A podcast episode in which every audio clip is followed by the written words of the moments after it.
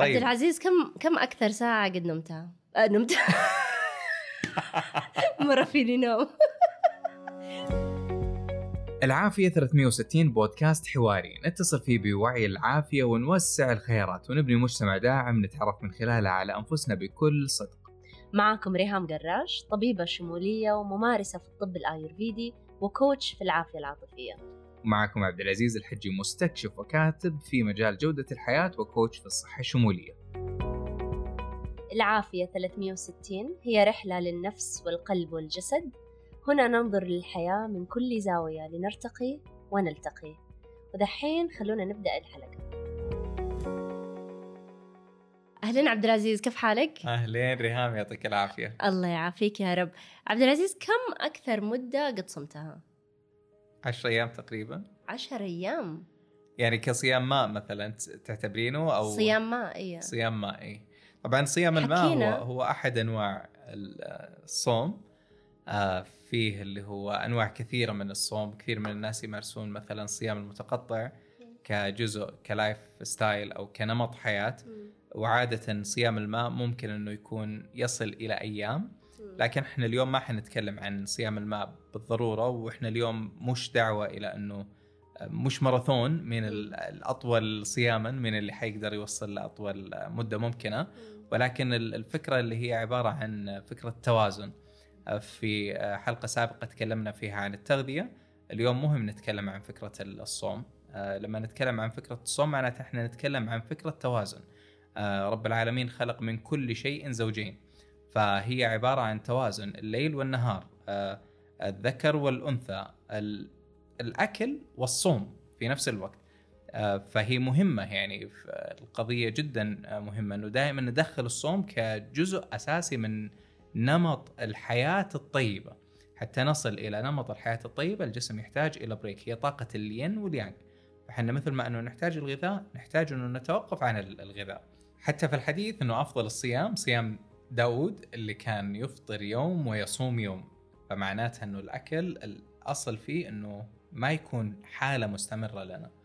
في آه، الحديث حديث لطيف يقول حسب ابن آدم لقيمات يقمن صلبة فإن كان ولا بد فثلث لطعامك وثلث لشرابك وثلث لنفسك.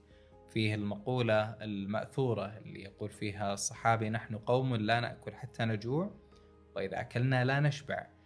فهي دائما الفكرة أنه مهم جدا أنه نوازن بين حالة الطعام وحالة ال- الصيام آه، حتى أن الجسم يأخذ فرصة لاستيعاب هذا الطعام اللي وصل فيه. ونقطة في غاية الأهمية ريهام كثير من الناس ما ينتبهون لها. دائما إذا في مدخلات الطعام هو مدخلات فيجب أن يكون هناك مخرجات.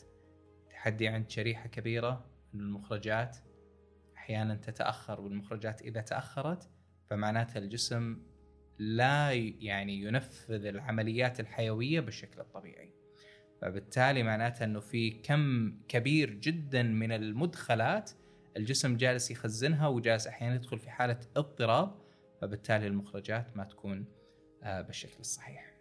يعطيك العافية عبد العزيز. اللي قاعدة أسمع منك شوية يعني يعني شوية مختلف عن أكثر هم الناس. يعني اللي أنا قاعدة أسمعه عند أكثر الناس شايلين هم هل أنا قاعدة أتغذى بصورة كفاية؟ هل أنا قاعد أكل آه، فيتامينات كفاية معادن كفاية؟ هل أنا أحتاج تغذية زيادة؟ هل أنا عندي نقص تغذية؟ فدائما الناس عندهم خوف وهاجس آه، من نقص التغذية.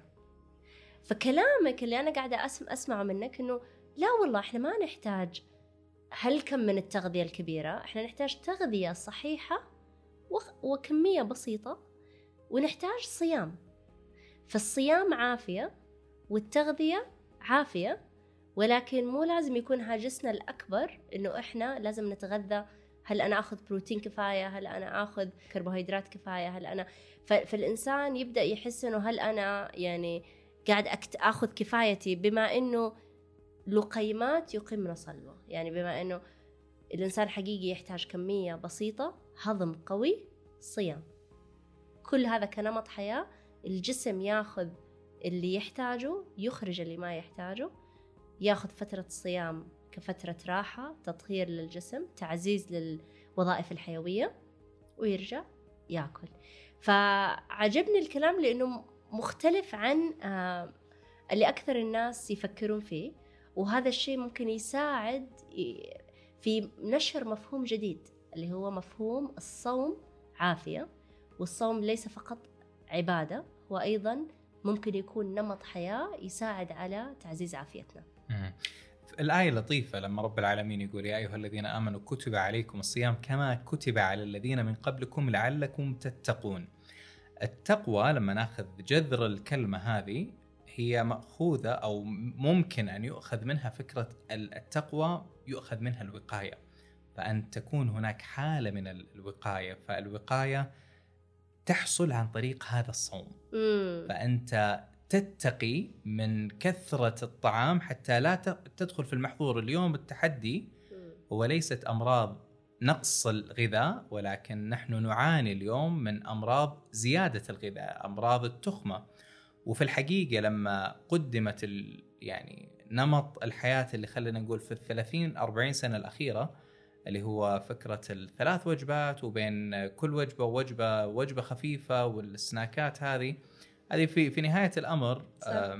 يعني اليوم يجب إعادة الحسبة فيها وإعادة النظر فيها.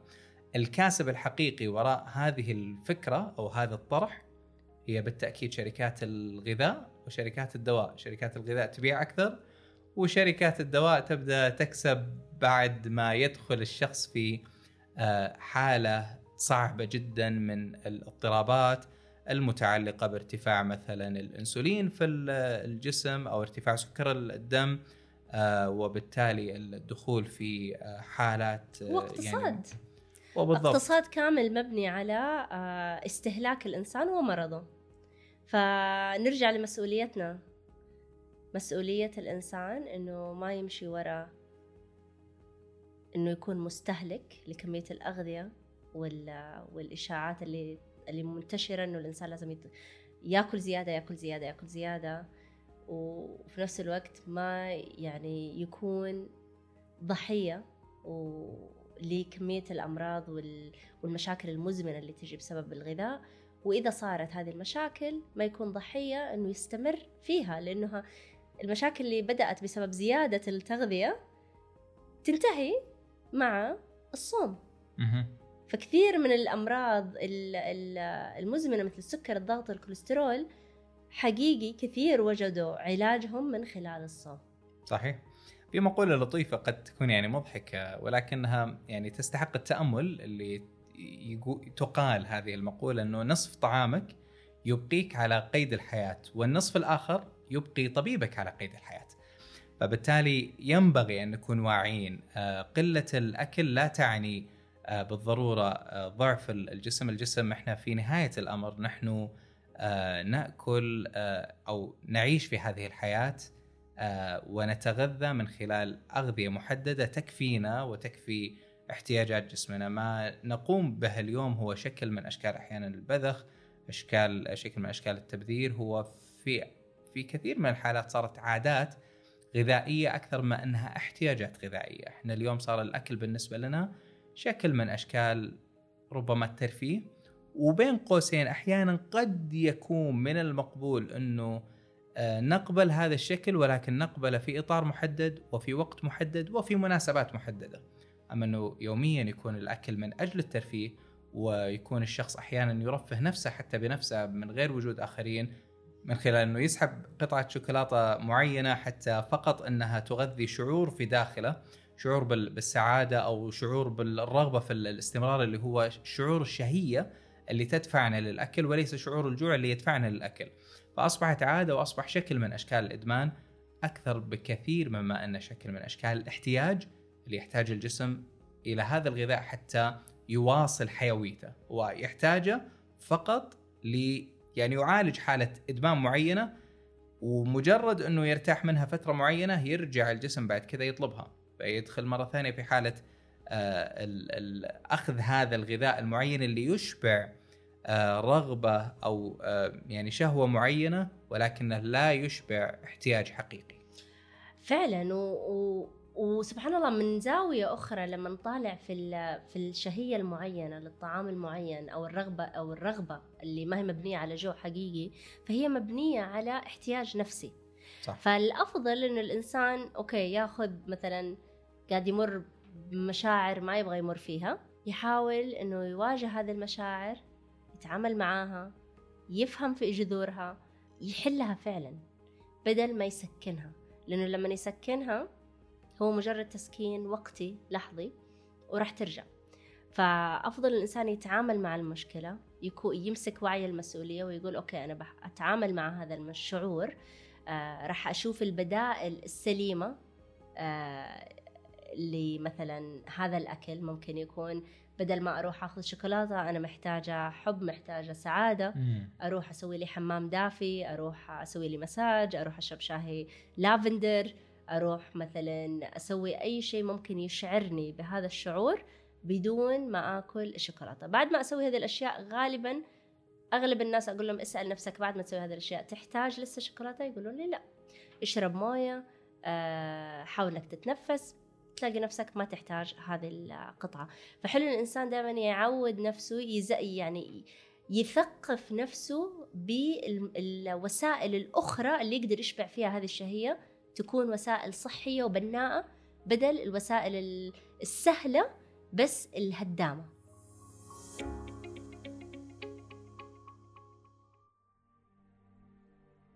المرأة تكتشف نفسها من خلال الصوت من خلال التنفس من خلال اتصالها بجسمها لأنه جسمها يحمل كل الحكمة اللي ممكن تبحث عنها في الخارج. المرأة سبحان الله آه، تمثل أمنا الأرض. هي تمثل الأرض. رحلة آه، اسمها السمو المزدهر The Awakened Rose. هذا ال retreat إن شاء الله راح يكون للنساء من يوم 25 مايو إلى 28 إن شاء الله تقريبا ثلاثة أيام. هذه الرحلة آه ال intention واللي النية اللي حطيتها للنساء في هذه الرحلة إنه حقيقي نقدر نصنع لهم مساحة آمنة يقدرون فيها يتصلون بأصواتهم بصورة ما قد اتصلوا فيها. بصوتهم من قبل يتصلون فيها بأنوثتهم بصورة ما قد اتصلوا فيها قبل. نيتي كان أن المرأة تستقبل. الإنسانة العظيمة اللي راح تيجي إن شاء الله تقدم معي هذا الريتريت هي صديقتي لأور وهي إحدى النساء اللي فعلا كان لها أثر كبير في حياتي. أحقق رسالتي أتصل بأنوثتي أتصل بجسمي. أشعر بالأمان في هذه الحياة. الناس والأرواح الجميلة اللي حابة تسجل معنا إن شاء الله في هذا الريتريت أتمنى أنهم يتواصلون مع هذا الرقم عن طريق الواتساب ويرسلوا لنا اهتمامهم. إن شاء الله بإذن الله إحنا نرسل لهم تفاصيل إضافية وبإذن الله أقدر أساعدهم وأجاوبهم على كل أسئلتهم وأستقبلهم بكل حب. الرقم هو صفر صفر تسعة ستة ستة خمسة صفر ستة اثنين أربعة ستة ثمانية ثمانية ثمانية.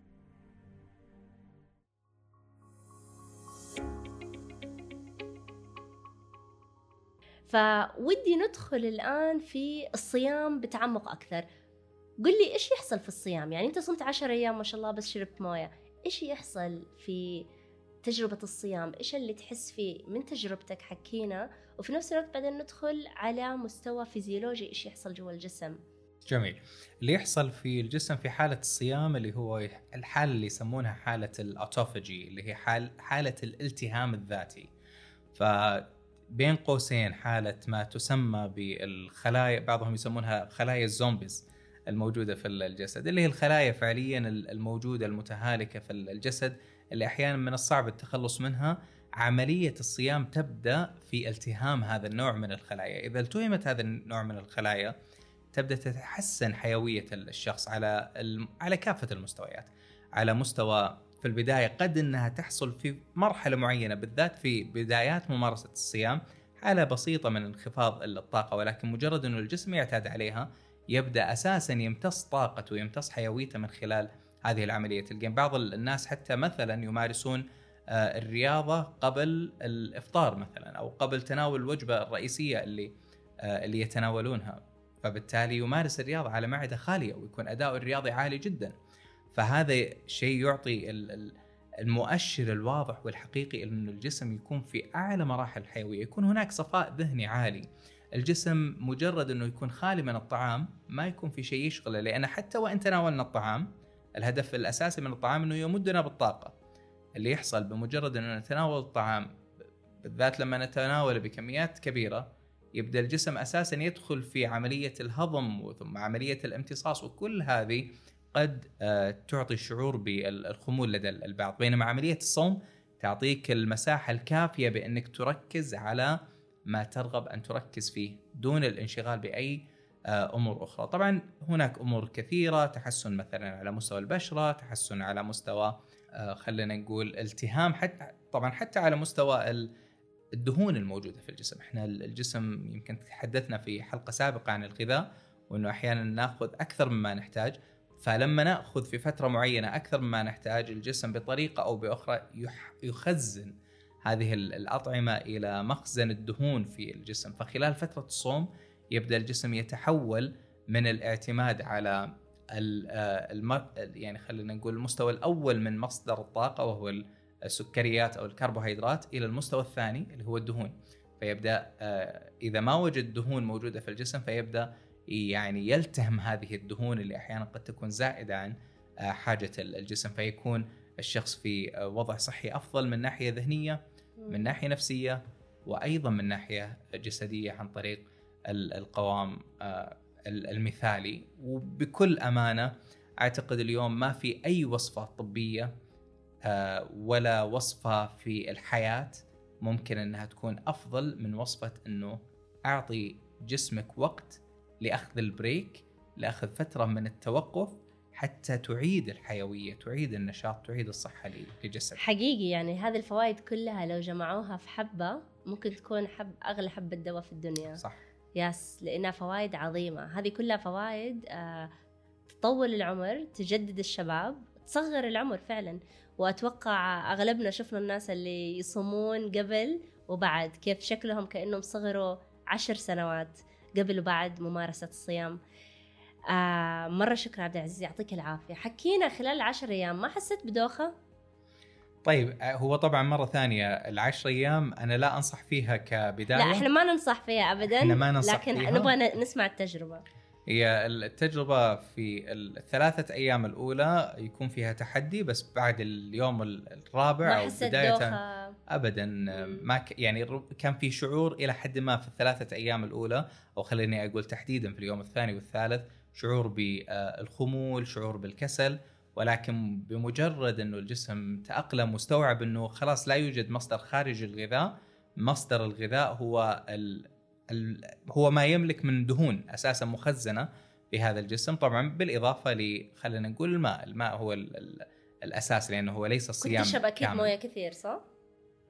ما كانت موية يعني كثير جدا ولكن خلينا نقول ربما قريبة من ال يعني الكمية المعتادة اللي الواحد يشربها خارج وقت ال يعني أو مع الفترات اللي ما يكون صايم فيها. ممكن تزيد شيء بسيط أو تقل شيء بسيط حسب احتياج الجسم. ولكن مش الفرق الكبير. آه لكن الجسم خلاص استوعب إنه هذه رسالة إنه أنت عندك حالة الاكتفاء الذاتي فبالتالي المصادر الموجودة هي المصادر اللي اللي تملكها. إذا حنجيبها بشكل ثاني لو حنحول آه طبعا فكرة الصوم إلى فكرة نمط حياة فإحنا ممكن نبسطها لأنفسنا ممكن آه، ندخل في حالة من التوازن إلى أنه إحنا اليوم ترى بالمناسبة ما نقول للناس صوموا على طول ولا نقول كلوا على طول هي حالة توازن. لما سمع مثلا الرسول الكريم بقصة آه، الثلاثة العباد أو الزهاد واحد فيهم كان يقول أما أنا فأصوم ولا أفطر. فكان رد الرسول عليه قال أما أنا فأصوم وأفطر. وفي آخر الحديث قال فمن رغب عن سنتي فليس مني. فهي الفكرة دائما حالة التوازن هي الحالة المطلوبة لا الصوم اللي على طول ولا الأكل اللي على طول. فالبداية يعني بالصيام أو الصوم لمدة 12 ساعة هي حالة مقدور عليها حالة مش صعبة ابدا. هي لو حسبناها إحنا فعليا ننام في اليوم تقريبا من سبع إلى ثمان ساعات في المتوسط. فلو أخذنا ساعتين قبل وساعتين قبل النوم وساعتين بعد الاستيقاظ فإحنا تقريبا كذا وصلنا لحدود 12 ساعة. مع الوقت شوي ممكن نرفعها. ممكن نوصلها إلى 14 لو قدرنا إن نوصل إلى 14 ساعة من الصوم و10 ساعات من آه، الفترة اللي نسمح فيها لأنفسنا إن نتناول فيها الطعام فإحنا يعني وصلنا إلى مرحلة متقدمة جدا وتعتبر مرحلة جيدة ومرحلة فعليا مش صعبة قد يكون فيها التحدي في البداية ولكن بعد كذا خلاص الجسم يصل إلى مرحلة إنه يفهم إنه خلال الفترة الفلانية فقط سن يعني سنحتاج إلى الطعام فما ي... ما يبدأ يحرك هالإشارات اللي تعطينا الرغبة في الجوع أو فعليا الرغبة في الشهية مم. اللي أحيانا نعتقد أنها جوع. فخلاص الجسم يستوعب إنه إحنا هذه الفترة اللي حناكل فيها واحيانا نحتاج إن ناكل فيها من وجبة إلى وجبتين كحد أقصى وصلى الله وبارك ونهتم في جودة الأكل اللي يعني ناكله خلال الفترة هذه إنها مثل ما يقولون يعني quality over quantity. الجودة اللي تقدم على ال- الكمية لأنه في النهاية نحتاج أيضا آه، جودة معينة نأخذها حتى الجسم يمتص اللي اللي يحتاجه خلال آه، فترة الطعام. ويمكن تكلمنا عن حلقة في حلقة سابقة عن هالموضوع بشكل تفصيلي أكبر. يس. والشيء يعني سبحان الله لما نتكلم عن الصوم كنمط حياة آه، فهو حقيقي مو صعب تطبيقه. يعني صح. فعلا فعلا. ليش؟ لأنه ممكن نشرب السوائل خلال هذا الوقت. يعني مو إنه إحنا صايمين صايمين فعلا. يعني مم. فمثلا لو قلنا أول ساعتين في الصباح الإنسان يبغى ياخذ كاسة قهوة ولا كاسة شاي عادي يقدر ياخذ كاسة قهوة ولا كاسة شاي أهم شيء ما فيها سكر. صح. آه لو الإنسان يبغى قبل ما ينام يشرب موية يشرب مشروبات عشبية يقدر. صح. ففعلا هو مو صعب هو بس مجرد إنه الإنسان يبرمج نفسه إنه بس ما آكل آه ولا يعني ولا آخذ أي شيء ممكن يرفع سكر الدم خلال ساعات الصيام. و... ويبغى لها هي شوية تدريب بس فعلا هي من الممارسات اليومية. اللي تخلي الإنسان جودة حياته تقفز يعني قفزة رهيبة. صح. آه يعني من وقت ما أنا طبقت الصيام 12 ساعة يعني مثلا أتعشى 7 المغرب وخلاص ما أكل ولا شيء آه إلى 7 الصباح. يعني فرق معايا في جميع المستويات. مم. صار الهضم عندي ما شاء الله زي الساعة. يعني المدخلات والمخرجات كلها صارت منتظمة جدا. آه أصحى الفجر خلاص أشرب الموية الحارة أشرب المشروبات العشبية. الساعة 7 آخذ القهوة مع فطور. الحمد لله يعني صار الجسم جدا زي الساعة. العشاء. المغرب جدا مريح. الوزن جدا ما شاء الله تبارك الله ولا يزيد ولا نص كيلو ولا شيء. حتى لو مثلا في ال weekend أخذت day off مثلا رحت أكلت أي شيء. الحمد لله الوزن جدا منتظم الجسم ما في أي سوائل محتبسة شعور بالخفة شعور بالراحة. فمثلا أنا اللي لقيته مرة مناسب بالنسبة لي 12 ساعة. في ناس آه يحتاجون 14 ساعة. وأنا دائما أنصح النساء آه اللي عندهم أي اضطرابات هرمونية 14 ساعة تكون جدا مناسبة لهم. مم. لا ياخذون أكثر من 14 ساعة لأنه النساء إذا أخذوا أكثر من 14 ساعة يكونون عرضة لاضطرابات معينة. مم. فبالعادة النساء ما بين 12 ل 14 ساعة يكون جدا ممتاز آه لكل الفوائد وأكثر. يعني كل الفوائد يحصلون عليها وأكثر. آه ممكن الرجال لا يقدرون يأخذون 16 ساعة يقدرون يوصلون 18 ساعة. ما في أي مشكلة وجسمه جسمهم إن شاء الله يتحمل ويأخذون فوائد إن شاء الله إيجابية بدون ما في side effects. فالصيام كنمط حياة يعني حقيقي حقيقي واحدة من واحد من ال pillars اللي زي ما تكلمت عليه عبد العزيز إنه هي هي اللي تساعدنا على التوازن. تساعدنا على التوازن لأنه العافية هي رحلة توازن. توازن ما بين كل شيء وضده. بين الطعام بين الصيام بين الحركة بين الراحة بين العمل آه، والرسالة وتحقيقها ما وبين الرحلة الداخلية داخل أنفسنا. والرفلكشنز يعني والتفكير آه، والهدوء والسكون بين الاستيقاظ وبين النوم بين يعني فعلا بين النار وبين الماء بين رسم الحدود وبين التسامح بين ال- التعامل يعني قدرة الإنسان إنه يعطي وقدرة الإنسان إنه يستقبل. فرحلة العافية هي التوازن بين كل شيء وضده. فما في شيء يعني ما في شيء بحد ذاته هو سيء أو جيد ولكن هي رحلة لإيجاد التوازن دائما ونقطة التوازن عند كل فرد مختلفة. فلازم كل إنسان يسمع لنفسه ويوجد نقطة توازن حقته هو الخاصة. فيه. صح. آه. كلام جميل. ودي أعزز فقط مم. على نقطة مم. التفردية اللي تفضلتي فيها إنه الاختلاف. إحنا يمكن ال- اليوم فقط نطرق الباب نقول إنه خلونا نفكر في الصوم كشكل أو كنمط من أنماط ال- الحياة ولكن مهم إنه مع الانتباه لهالنقطة إنه نبحث في أنفسنا آه، على المستوى الفردي. قد ما يكون صحي ومناسب لشخص ما يكون مناسب للشخص الآخر. مثل ما تفضلتي قد ما يعني الأمر المناسب للرجل قد ما يكون مناسب بذات الدرجة للمرأة. قد أيضا ما يكون مناسب للمريض بشيء معين. يعني بالضرورة لن يكون مناسب مثلا للشخص الصحيح أو العكس. فبالتالي الانتباه لهالتفاصيل ومبدأ التفردية أو ما يسمى بالبايو اندفجواليتي لابد إنه يؤخذ بالحسبان. وايا كان نمط الصوم اللي أنت ستتبناه يعني في نهاية الأمر هو قرارك ولكن اليوم مهم إن نسأل نفسنا إيش نوع الصوم اللي حنتبناه سواء كان الصوم اللي المعروف عندنا في الدين الإسلامي آه سواء من الصيام آه رمضان أو صيام أيام النفل. آه إذا هالنمط مناسب بالنسبة لك فقد يكون خيار جيد. إذا النمط الآخر اللي هو صيام الماء فقد يكون خيار جيد. إذا نمط الصيام المطول اللي قد يمتد أحيانا إلى آه إلى أيام تؤخذ فقط في فترات معينة وقد أحيانا يكون مناسب لك ولكن لا يكون مناسب لغيرك. اليوم ابحث عن هذه الفكرة. اطرق الباب ابحث في هذا الموضوع. هي دعوة للانتباه لهذا النمط من الحياة. آه، اللي قد إنه يعزز صحتنا ويعزز حيويتنا بشكل مختلف فدعوة للبحث والتبحر فيه آه، بشكل أكبر. ومجرد إنه يعني الواحد أصلا يبحث في هذا الموضوع سيصل وس يعني يتعرف على على ذاته بشكل أكبر لأنه في نهاية الأمر الإنسان هو طبيب نفسه. Yes. فأنت آه، المسؤول عن نفسك وأنت المسؤول عن نفسك وعن اختياراتك.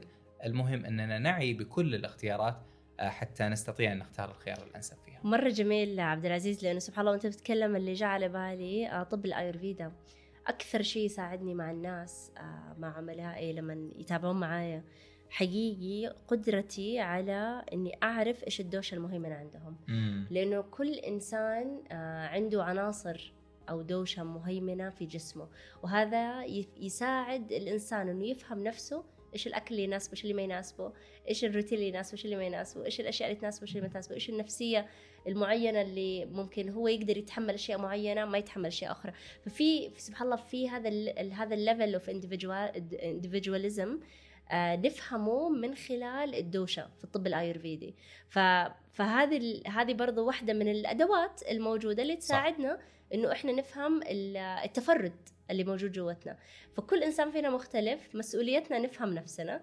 ونختار الشيء الأنسب لنا. و... وسبحان الله دحين داخل علينا إن شاء الله رمضان. اللي مرة مهم نتذكره في رمضان إنه رمضان نوع يعني صيام رمضان نوع عظيم من الصيام لأنه يتم خلال النهار. ففي من السعي والحركة وفي من الامتناع عن الطعام. فإيجاد مصدر طاقة متصل بالتنفس والروحانيات. مرة مهم في رمضان لأنه ما في مصدر الطعام. فكثير من المشاعر تطلع على السطح ما نقدر نسكتها بالأكل. كثير من الأشياء تجي على بالنا مثلا توترات ضغوطات. الإنسان ما يقدر يروح مثلا المدخنين ما يقدرون يروحوا يدخنون. ففي مواجهة للذات ما تحصل في أي شهر آخر. فلانه ما في أشياء نقدر نسكت فيها الأشياء اللي تظهر على السطح. خلاص الأشياء اللي إحنا مدمنينها بالعادة تكون مو موجودة. فهي فرصة حقيقي للتعرف على الذات بصورة أعمق فرصة للتشافي على مستوى نفسي وروحاني جدا عظيم. اللي يحصل في رمضان ضروري بس ننتبه نقطة وحابة بس أنوه عليها إنه لما ناكل المغرب انتهى إلى وقت الفجر. قريب من الفجر يتم السحور. أكل السحور في الليل الساعة 12 واحدة الليل أو 10 الليل أو اثنين الليل هذا جدا ضار بالجسم. ليش؟ لأنه السحور هو المفروض وقته قريب من الفجر. الفطور وقت المغرب خلاص بعد المفروض الإنسان ما يأكل. ليش؟ لأنه ما بين الساعة عشرة الليل للساعة ثلاثة الليل هو وقت تطهير السموم من الجسم. فلما الإنسان قبل الساعة عشرة بساعتين ما يكون موقف أكل الكبد راح تبدأ تنشغل بهضم هذا الأكل الإنسان قاعد يأكله بدل ما تنشغل بطرد السموم من الجسم. فحرام إنه إحنا نضيع تعبنا طول النهار صايمين طاردين سموم في شهر حقيقي تطهير عظيم ونجي ناكل كثير في الليل في أوقات جسمنا يبغى يطهر السموم نقوم ندخل أكل ونشتت عملية طرد السموم هذه. فالجسم يعني كأنه إحنا ما إحنا قاعدين ناخذ أكبر فائده جسدية من الصيام. آه ممكن نستفيد الفوائد الروحانية النفسية لكن الفوائد الجسدية ما إحنا قاعدين نحصل عليها بسبب الأكل في الليل.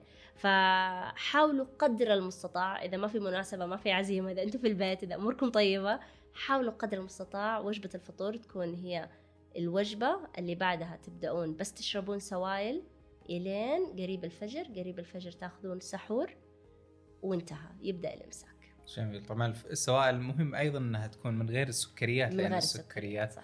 أحيانا ترفع ال- الإنسولين في أو سكر الدم آه، بدرجة عالية. نتمنى إن شاء الله صيام آه، مقبول للجميع. آمين يا رب. آه، ويا رب إنه يتقبل منا ومن كل ال- الأصدقاء المستمعين والمستمعات الصلوات. والصيام آمين. وصالح ال- الأعمال يا رب.